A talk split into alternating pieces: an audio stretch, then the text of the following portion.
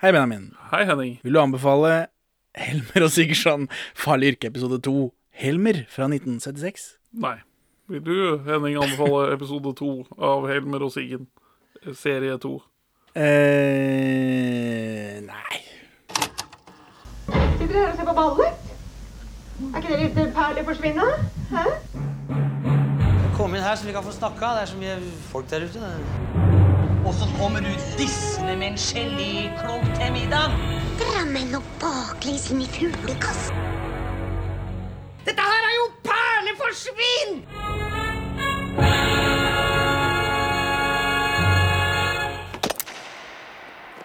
Velkommen til Perleforsvin, podkasten for deg som betaler for rare valg du tok en gang for lenge siden. Ja, du sikter til at den første episoden vår er Helmer Sigurdsson, eh, TV-filmen 'Spøkelsesbussen', og at du nå en gang i året må se Helmer Sigurdsson. Og så skjønner så fælt er det ikke. Det, er, eh, det gir meg lite, men det er ikke så fælt. Jeg skulle gjerne sett noe statistikk på hvor mange det er som ser disse i den NRK-avspilleren. Ah, shit, det hadde vært nice om det var sånn YouTube Det uh, skulle det jo vært. For er, er det Jeg har aldri sett noe Helmer og Sigurdsson-nostalgi noe sted. Nei, Jeg har sett at de lagde en T-skjorte en gang. Ja, NRK, da. Ja, og sånn i NRK Gift-shoppen, ja. Ja, Som jeg aldri har sett i det fri, og den fins ikke nå lenger. Men vi er iallfall to middelmådige menn i 30-åra som ser norske filmperler. Og, og en gang i året så må vi se Helmer og Sigurdsson, som jo er en TV-serie. Som jeg er utrolig lite motivert for, for det er så gledes. Men nå er det snart 52 uker til neste gang. Oh yeah. 50 uker til neste gang. Um, Sist gang så sa jeg jo at jeg skulle se disse én episode av gangen. Som, de, som om jeg levde på 70-tallet. Eh, men fordi vi ikke klarer å spille inn ordentlig, så får jeg ikke gjort det. Så jeg har sett eh, de to siste, da. Bare så det Det skal ikke ha noe å si. Ja, notatene har jeg gjort før jeg så den andre. Eller siste episode, da. Eh, og sist gang så ble vi jo Eller så nevnte vi at det, det var litt overraskende at sist gang Når vi så Ni timer mordet, så syntes vi det var litt lite Sigurdsson. Altså Anders Hatlo. Eh, og så veldig mye pensjonist Brochmann. Men det gir litt mer mening når vi vet at det het ikke Helmer og Sigurdsson før nå. Nei. Den gangen så var det Nitimermordet. Det var en egen serie som sto på egne ben. Det var ikke, Fokuset var ikke Helmer og Sigurdsson løser saker. Fokuset var denne saken. Brochmann løser denne saken. Ja. Denne episoden er første gang sendt 11.12.1976. Manus PBH. Sjølveste Pål Bang-Hansen. Regi Randi Veum. Enn så lenge så er det dette er samme folka som gjorde dette sist. ja. Åpner med recap. Her får vi alles fulle navn og forhold til hverandre. Men denne voiceoveren forteller oss mer enn jeg forsto da jeg så forrige episode. Ja. Som er praktisk, kanskje, men, eh, men litt rart at ikke de la opp forrige episode bedre. Som blant annet så Helmer tror redaktøren, som er spilt av Per Lillo Steinberg, har et forhold til Benedicte. Han spør jo om det, og så sier han nei, det har jeg ikke, og så går de bare videre. Men her sier fortellerstemmen sier at han tror at han har et forhold. Så, men det er sånn Dagsrevyen-stemme. Det er Ja. Rart. Vi starter der vi slapp sist, selvfølgelig. Hjemme hos May-Britt, det er mørkt og skummelt. Kutt i intro. Syk sirkusmusikk.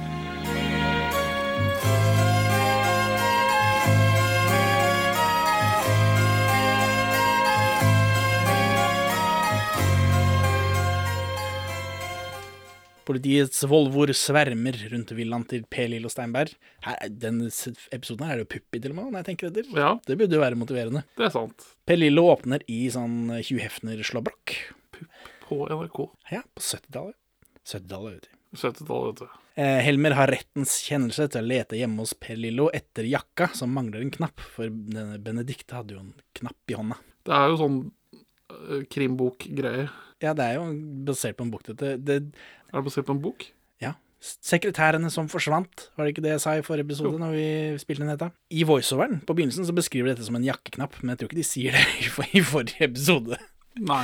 Så da var det bare en knapp. Men, men. Et par sånn CSI-gubber leter i bilen, og Per Lillo har det bemerkelsesverdig ryddig i bilen. Mangel på bevis, på bevis er vel bevis, er det ikke det? Jo, for norsk politi, så. Uh, hot damn, er jeg skrevet. Helmer avhører Per Lillo om dagen Benedicte ble drept. Eh, han svømte alene i Sognsvann. Og så får vi se kona hans som ligger toppløs ute ved bassenget, hvor barna leker. Full pupp på TV i 1969. Nei, 60, 1976. Jeg har 60, 69 på hjernen. Ja. Jeg regner med at uh, hun ble tatt bakfra. Eh, CSI vil ta bilene fra hverandre, da. og Per Lillo truer med denne journalisten som vi har sett før. Han eh, Sommer heter han vel. Helmer sier Per Lillo har drevet med masse skattesnusk, men han er ferdig i sona, så da Ikke det holdes imot han. Nei, det er vel han som har drept henne, siden han har drevet og snuska med skatten. Eh, Helmer vil bli med Per Lillo til redaksjonen, eh, men han sier at de har ikke noe på han. Altså Per Lillo, da. Så Helmer bare finner på at han har jo sjikanert en tjenestemann. Dette er true to life. Politiet bare finner på tull. Men det blir behandlet som propaganda, dette. At uh, propaganda for politiet. At eh, Helmer er kul og tøff når han liksom skal ta denne sleskete skurken med å, å finne på ting han ikke har gjort. Ingen tanker. Nei, nei, Hodet det- tomt.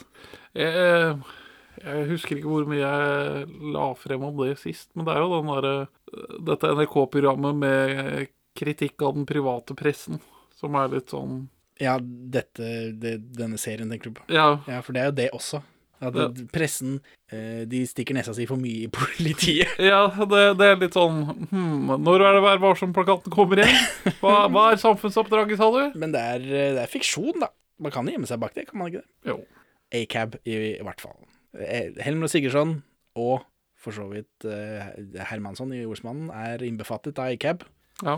En av CSI-folka har funnet en jakke som mangler en knapp som kan ligne. Dun, dun, dun. Og så drar vi av gårde eh, mens vi får mer pupp til sirkusmusikken. Hm. Hm. Sigurdsson spiser reddiker i redaksjonslokalet. ja, for det er en running joke. ja. Al- alltid en eller annen eksotisk ja, eller altså Gråpære er jo ikke så eksotisk, da, men Nok bærer den diskusjonen skulle vi hatt i fjor. Ja, men det er jo så litt annet å prate om. Det er jo bare dårlig Det er, jeg tror jeg er, nå, begynner vi, nå kommer det jo porno. Eh, For vi er i redaksjonslokalet til Per Lillo. Eh, st- eh, Anders Hatlo er der allerede, spiser reddiker.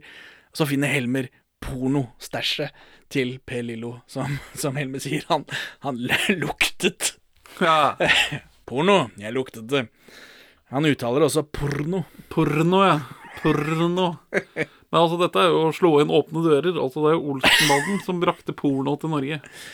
i 1969. Ja. ja, men her får vi se. Det er jo de, Det viser seg at Per Lillo Stenberg han selger porno under disk, selvfølgelig, for det er jo ikke lov. Men dette skottet hvor han lagrer all pornoen sin, dette lagerrommet, der han også har hengt opp bild- pinup-bilder av menn. Eller det er en plakat spesielt av en gubbe som ligger med kuken ute, som er veldig fremtredende i bildet. Det er også damer og sånn. De får se disse bladene. NRK har kjøpt inn pornoblader ulovlig? Spørsmålstegn. Er det ulovlig å frakte porno over grensa? Må nesten være det. Eh, Porno er i hvert fall ulovlig. Ja, men hvis det er produsert uh, på utsida av landet, og så tar du med inn i landet, det må jo være ulovlig da. Ja, eh, ikke, sikkert ikke til eget bruk, men å omsette, tenker jeg. Men å bruke det eh, i Rikskringkastingen, er det lov? Ja, men altså, når NRK lager Capaganda, så får jo de sikkert låne litt fra politiets eh, rikholdige lager av porno. Hvis ikke de har måttet produsere pornografien selv. Gunvor Hals stiller opp. Oi. Jeg vet ikke helt det. Porno. Jeg luktet det. Eh, porno, ja. Eh, når er det pornoen eh, ble lovlig i Danmark? Eh, 1966 1969. Og i Sverige 71 1970. Og i Norge 2005 Det er riktig. Jeg husker Jeg, jeg stjal jo eh, billedbladet Cupido fra en ikke navnet eh, formynder. Ja. Når vi først er inne på porno, og det ikke er noe å snakke om, siden Helmer og Sigurdsson er veldig kjedelig. Eh, jeg husker når Cupido prøvde å utfordre den pornolovgivningen. Jaha. Fordi de, de hadde jo som regel bare smakfull mykporno. Jeg har aldri åpna et Cup- Cupido-blad. nei. Uh... Reklame for Bastur, det var eh, Det var min poison. Der var det pupp. ja. Hæ, var det det? Ja, full pupp. Eh, jo, det må I 2005, da var jeg 16. Det må ha vært før det. Ja, Ja. Det må ha vært mens det var ulovlig. Ja, for pupp, og det er liksom ikke Det, det som er ekte nakenhet, er labia og erigert penis. Det kan hende, for det var det ikke så mye av. Det er liksom det, det som var defineres som porno. Det var porno. eh, middelaldrende kvinner med puppene ute som satt i badstuene sine. Ja. Men så Cupido tar på rett, før dette, eller året før, eller hva det nå var, husker ikke helt nøyaktig, tar og utfordrer dette, og tar full frontal nudity i sine blader. Og da, det, det kan jeg huske at jeg, det, det leste jeg om i media, bare yes, snart kommer det i postkassa, jeg gleder meg. Jeg beklager utnavnet um, formynder jeg har hatt. Er det, er det Hilsen til Marit. dette? er, Hvem er det? Ikke si navnet. Det gjør det bare verre. Eh, jeg, vet ikke, jeg, jeg vet ikke om det er flaut det, å, å abonnere på Kyde. Det er bare bladet for kåthet og glede, var vel slagordet. det er, eh, det er eh, Vi er en sexpositiv podkast. Ja ja, bare ikke mora mi, så. Nei. Men i hvert fall, jeg hadde gleda meg til Yes, nå kommer det et blad som faktisk eh, har full frontal nudity. Fuck yeah. Men nei, da var det Da har statens sensurorgan satt klistremerke over all den illegale nakenheten. Ja, Nå vet jeg ikke eh, Ja, eller um, Det er en NRK-podkast om dette. Ja. Ik ikke Cupido, men den som, han som tok det til slutt, da. Eh, og de klistremerkene man setter på selv. Han Var det aktuell rapport så? Cupido har, har blitt pålagt å Ja. sette på klistremerkene får du ikke liksom Men jeg husker ikke om det er aktuell rapport, eller hvem det var som liksom tok knekken på det slutt. Det er en eller annen gubbe, da. Men før dette så eh, måtte disse pornobladene hans måtte sendes inn til De måtte lese gjennom av en eller annen som hadde peiling, ikke sant. Og så måtte han bestemme Nei, den pikken der, den er akkurat for hard til at, ikke, Ja. til at vi kan ha det med. Og da måtte han leie inn sånn idrettslag og sånt noe til å sette på disse bladene før han fikk solgt det. Herregud. Så de liksom, i stedet for å selge sånn eh, doruller og kjeks og sånt som de gjør nå, så da klistra de klistremerker på pikk. Ja. sånn var det før. Så jeg, jeg, jeg følte at når jeg da nasket uten samtykke det, Jeg følte ikke jeg kunne prøve å pelle av de klistremerkene. Jeg, det, det var så frustrerende, husker jeg. Dette har jeg aldri sagt til noen. Nå er det altså Tenk at du har onanert til de samme bladene som din mor. Uff Uff. Ja, ja, du får høre Nei, eller det gjør du aldri uansett. Du får høre denne episoden og, og klippe ut det som blir Nei, så, gærent, så lenge du ikke får med navnet hennes, så er det greit. Unavnet kvinnelig formynder. Begynner du? Vi har porno på si. Og så var det denne verdens beste krimserie, da. Eh, Helmer Sigurdsson. Helmer spinner en teori om at Benedicte fant ut av pornosjappa til Perillo. Eh, Helmer sier også at da de lå sammen, og derfor så måtte han drepe henne. Perillo bedyrer sin uskyld, og så griper han etter Helmer på en sånn 'ja, jeg er uskyldig'-måte, og så slår Helmer han. Politivold. Ja. Det er veldig i tiden. Eh, tiden nå, ja. Ja, men da òg, tror jeg. Ja, for så vidt. Ja. Men dette eh, videre i denne episoden, først og fremst, så er- er det bare et problem fordi pressen vet om det. ja. Og så blir det borte i forrige, neste episode. For- Det der er dette at pressen plager de, er et overhengende problem. Men dette at han har banka en fyr, slått en fyr, som jo er ulovlig, det, det kommer opp i begynnelsen en gang lite grann, og så er det borte bare. Så det må være lov å slå folk. Så er vi på Botsen. Ingen Egon Olsen, eh, dessverre. Bare Helmer og Sigurdsson som kommer kjørende etter å ha sluppet av Per Lillo, formodentlig. Eh, men eh, når de kjører av gårde, så får vi også beskjed om, eller får vi vite at Helmer angrer på å ha slått Per Lillo, så det er jo noe. Eh, nå kjører de forbi en fyllik som Sigurdsson en gang har kasta seg i elva for å redde, men så viser det at han har vært norgesmester i svømming på 30-tallet, så da var visst ikke det nødvendig. Det er forskjell på fylliker på 70-tallet og norgesmester i svømming på 30-tallet. Så han blir mobba for det, da. Dette var tidlig i Anders Hatlos eh, politikarriere. Eh, Oddbjørn Hesjevold, denne legestudenten som fikk solo av Julie Ege i forrige episode. Eh, han går til reisebyrået hvor May-Britt eh, tydeligvis har jobba, for May-Britt har vi sett før i den forrige episoden. Jeg klarer ikke å se forskjell på disse folka. Nei, vi etablerer noen helt like unge blondiner. Ja, og poenget senere er jo at de ser like ut.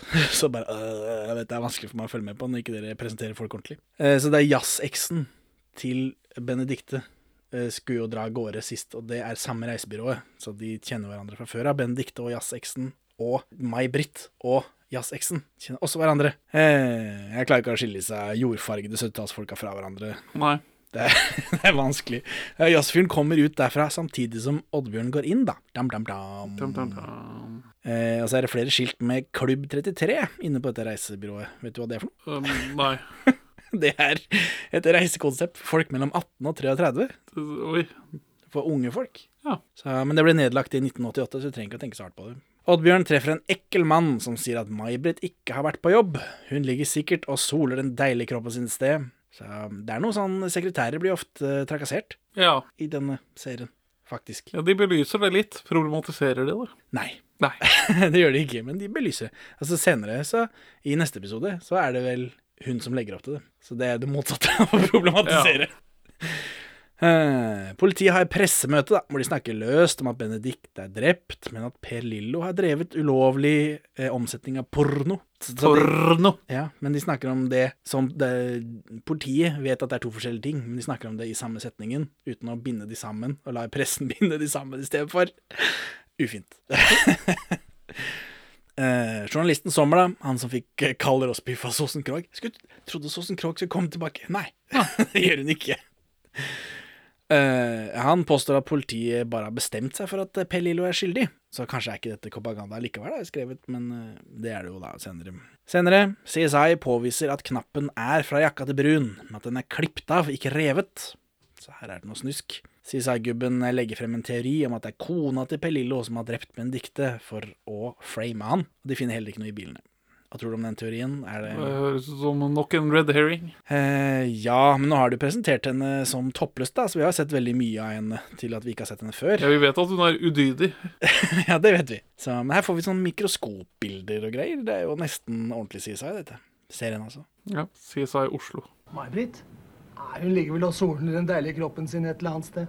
Helmer blir kalt inn til sjefen, som kjefter på han for å ha hoppet til konklusjonen at Per Lillo har drept Benedicte, selv om de ikke er sikre og ikke kan bevise det. Så Helmer får mye pepper i denne serien. Ja. Eh, Så tar han opp at Helmer har banka Per Lillo. Klipp bort. Nå er vi ferdig med det. ja, ha det bra. Oddbjørn går på Victoria terrasse. Er det der politiet holder til?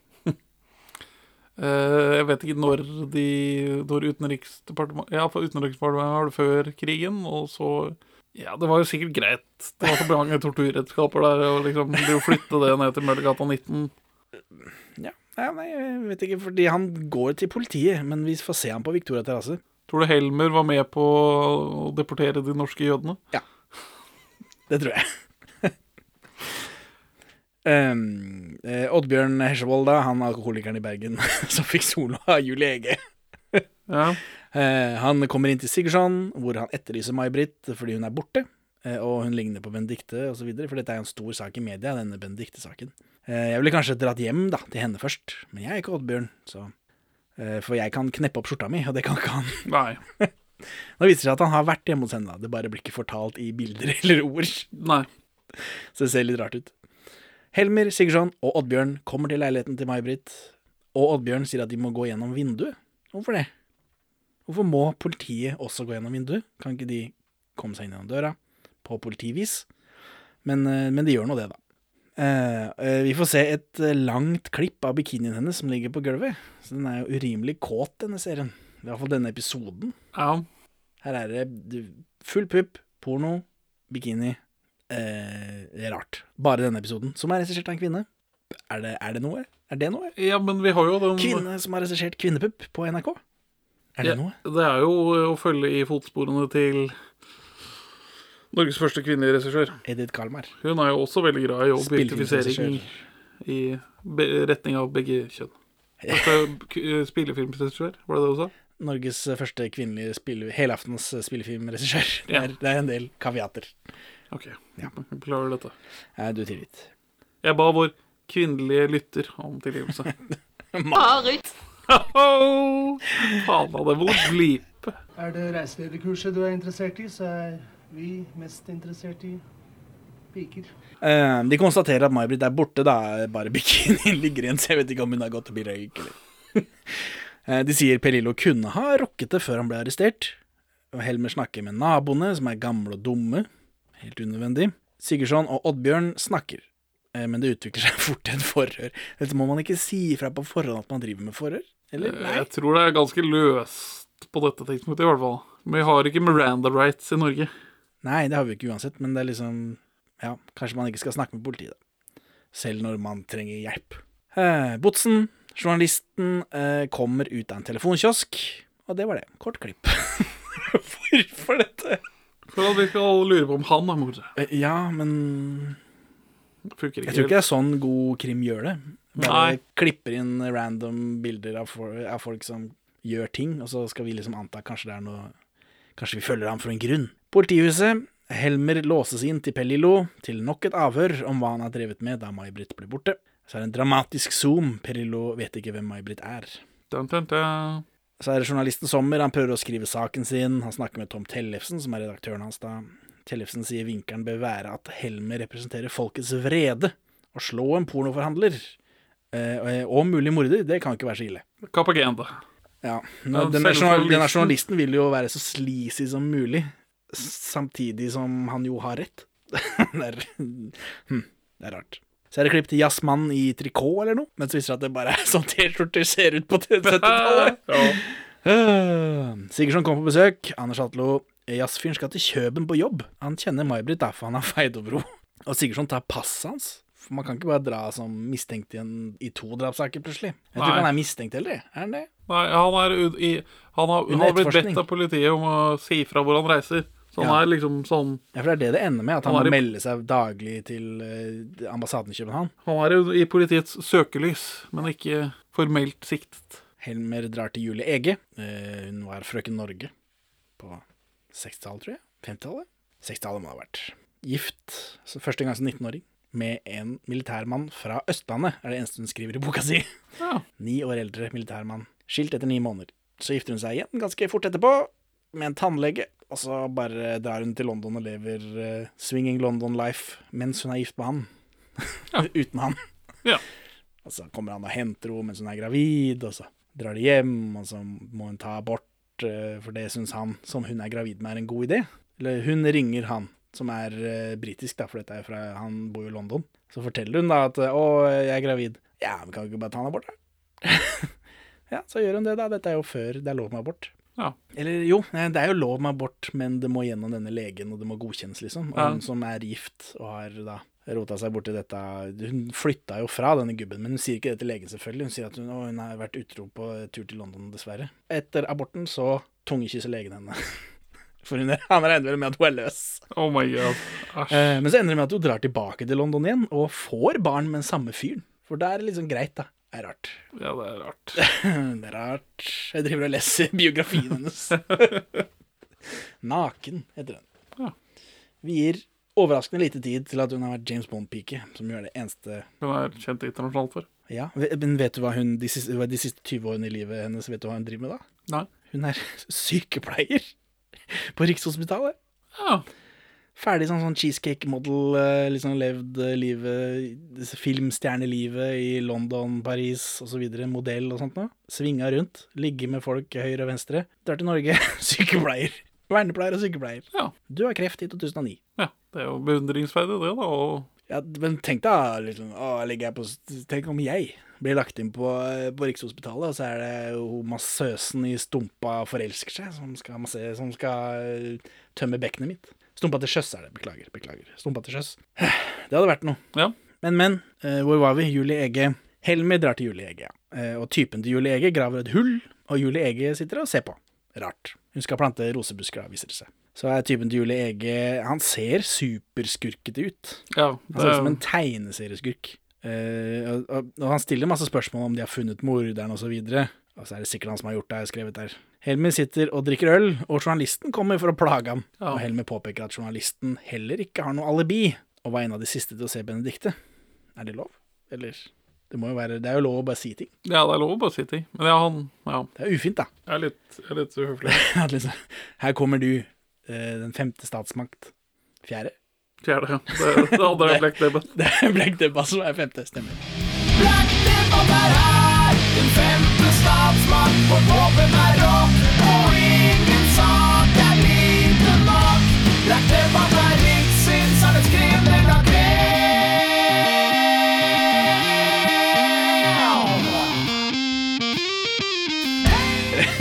liksom å, å plage meg, så da truer jeg med å, at kanskje jeg skal arrestere deg for mord, selv om ikke du har gjort det. Velkommen til politiet. Så får vi en sånn lineup som man ser på film, eh, og resultatet er at Per Lillo har alibi for drapsdagen, da, for han er, var på Sognsvann, faktisk. Ja, han hjalp en gutt med å blåse opp noe. Ja, blåse opp baderingen sinne, da, faen, et eller annet idiotisk. Men denne gutten da, som tar denne lineupen, og gir han alibi. Helmer henter kona på flyplassen og får parkeringsbot, som ikke har noe med noe å gjøre. Vi får vite at det går litt dårlig med han. Ja, Han har, han har mange laster å bære nå. mange jern i ilden her. Han er sånn plaget detektiv. nå. blitt. Ja, men det funker, ikke, det funker ikke så godt. Nei. Er jo ved et vann, og en fyr roter rundt med et barn som fisker. Kjenner du en fyren? Jeg bare wow! I alle dager. Nei. Det er Knut Valle, kongelig overbonuskurer-rengjøringsmester i Reisen til julestjernen. Ja. Eh, og så finner de liket av May-Britt, for det er jo hele poenget med den scenen. Og det er det. Jeg trodde han skulle være med videre, Knut, men nei da. Cameo. Ja. Han er- spiller jo julenissen i den eh, remaken. Håkon Håkonsen han er jo en sånn uh, Nils Gaup-mainstay. Ja. Vi skal lete etter menn som kan tenkes å stå i et konkret hatforhold til disse tilsynelatende nesten perfekte, profesjonelle, kalde kvinnetypene. Helmer snakker med sjefen på telefonen og får visst kjeft, og så blir han henvist til psykiater. Og så trodde jeg at det var fordi sjefen sier at du må til psykiater, du er jo gæren. Men, men nei, psykiateren skal hjelpe til med etterforskningen. Ikke sjekke om Helmer er liksom Det er sånn Mindhunter-type, dette. En fyr Ja. som vi bare ser i denne scenen aldri igjen, og ikke noe av det han sier, har noe å si. Uh, så det er visst verre at disse sekretærene ikke er voldtatt før de er drept, Ja. ifølge denne psykiateren. ja. Det er jo også en analyse. Så de skal lete etter menn som hater kvinner. Det, det har jeg hørt før et sted. Ja, som hater profesjonelle, kalde kvinner, da. Det var ikke bare, det var ikke direkte sitat, det der, men det var det han sier. Så ja, det Da er det ikke så mange å lete gjennom. Så nå er vi på Ullevål sykehus, tror jeg, hvor Helmer forhører Oddbjørn. Det er lett å få tak i, for han er, eh, han er legestudent. Det har vi jo nevnt i forrige episode.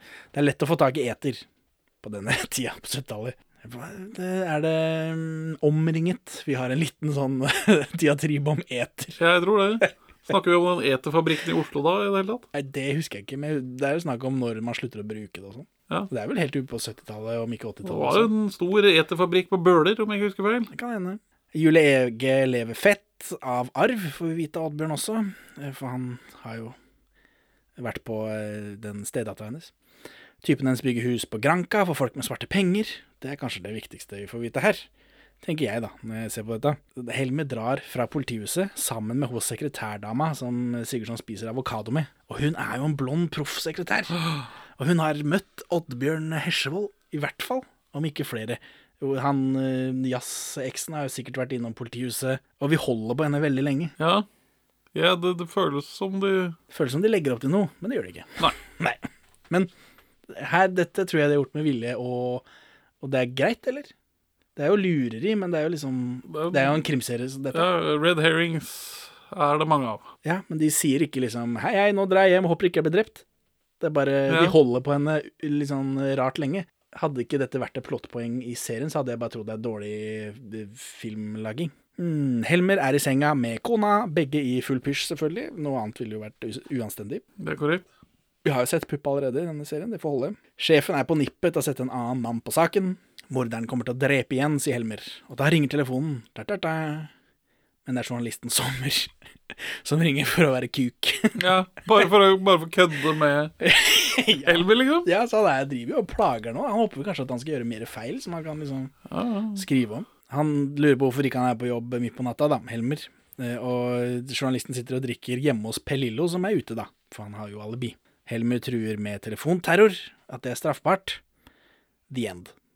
Så Benjamin, hvorfor vil du ikke anbefale andre episode av Helmer og Sigurdsson-serien Farlig yrke fra 1976? Øh, fordi jeg ikke liker å lære at Pål Bang-Hansen ikke er fullt så kompetent som jeg alltid hadde sett for meg, og fordi det er kjedelig. Har du sett for deg at han er kompetent? Jeg bare syns han er en gøyal fyr. Han er, eh, på grunn av sitt rare utseende og fremtoning, et ikon for en norsk film, og siden at han bare snakker om film i liksom 70 år. Ja, men jeg trodde han var et slags sånn eksentrisk geni, da. Da, ja, Når han, jeg- når han jeg- er bare eksentrisk. Når jeg leser Ja. Ja. Ja. ja. Nei, så det, det, det er bare sånn Ikke bli for godt kjent med dine helter, osv. ja, og Nepo-baby i tillegg, da. Ja. Så Henning, hvorfor vil du ikke anbefale episode to av sesong to av Helmer og Sigurdsson? Eh, ok, ok, ok. ok. Nå Dette er notatet skrevet før jeg så siste episode, selvfølgelig. Det åpenbare er jazzkjæresten. Han har ligget med begge to allerede, ikke sant? Og så prøver han å rømme landet. Ja. Så i en vanlig krimserie så er dette en red herring. Ja. Men dette er jo en NRK-serie. Så det Så kan kan hende de bare går for den enkleste. Kan ikke stole på det helt 100 nei. ja, men det hadde vært veldig typisk at det dukker opp en eller annen eh, sånn identisk morder som vi ikke har sett før. Han typen til Julie Ege, for eksempel. Eh, han bygger hus for Pelillo på Granca eller noe sånt, så de kjenner hverandre. Så da har han sett denne sekretæren, sikkert. Eh, og han liker sikkert porno. Så I forbindelse med det så har han sikkert sett Benedicte. ikke sant? Og så kjenner han jo åpenbart May-Britt, siden han driver og feirer over Julie Ege. Eh, men utenom det så er det jo, det er jo kjedelig. Det er, kjedelig, dette. Men altså, den skurkeetableringen av han type til Julie Det er mest på utseendet. Han ser helt utrolig skurkete ut. Ja, men det, det, det, det er noe Oi, vi skal bare så vidt bli kjent med han her, men han ser ut Han, men han ser ut som skurken i Camilla og tyven. Ja. Ikke den historien, men han andre. Så ha det bra, Benjamin. Farvel, Henning. Takk for at du hører på Perler for svin. Vi er mest aktive på Twitter, perler for svin, men vi er å få tak i på Facebook også, perler for svin pod i ett ord. Vi svarer på Messenger selv om siden ser død ut.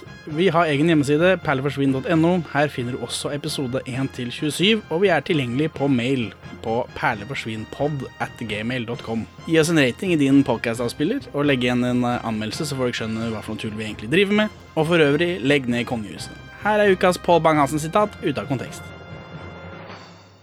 Imamuras film blir neppe vist i norsk fjernsyn på en stund, av mange og ulike grunner.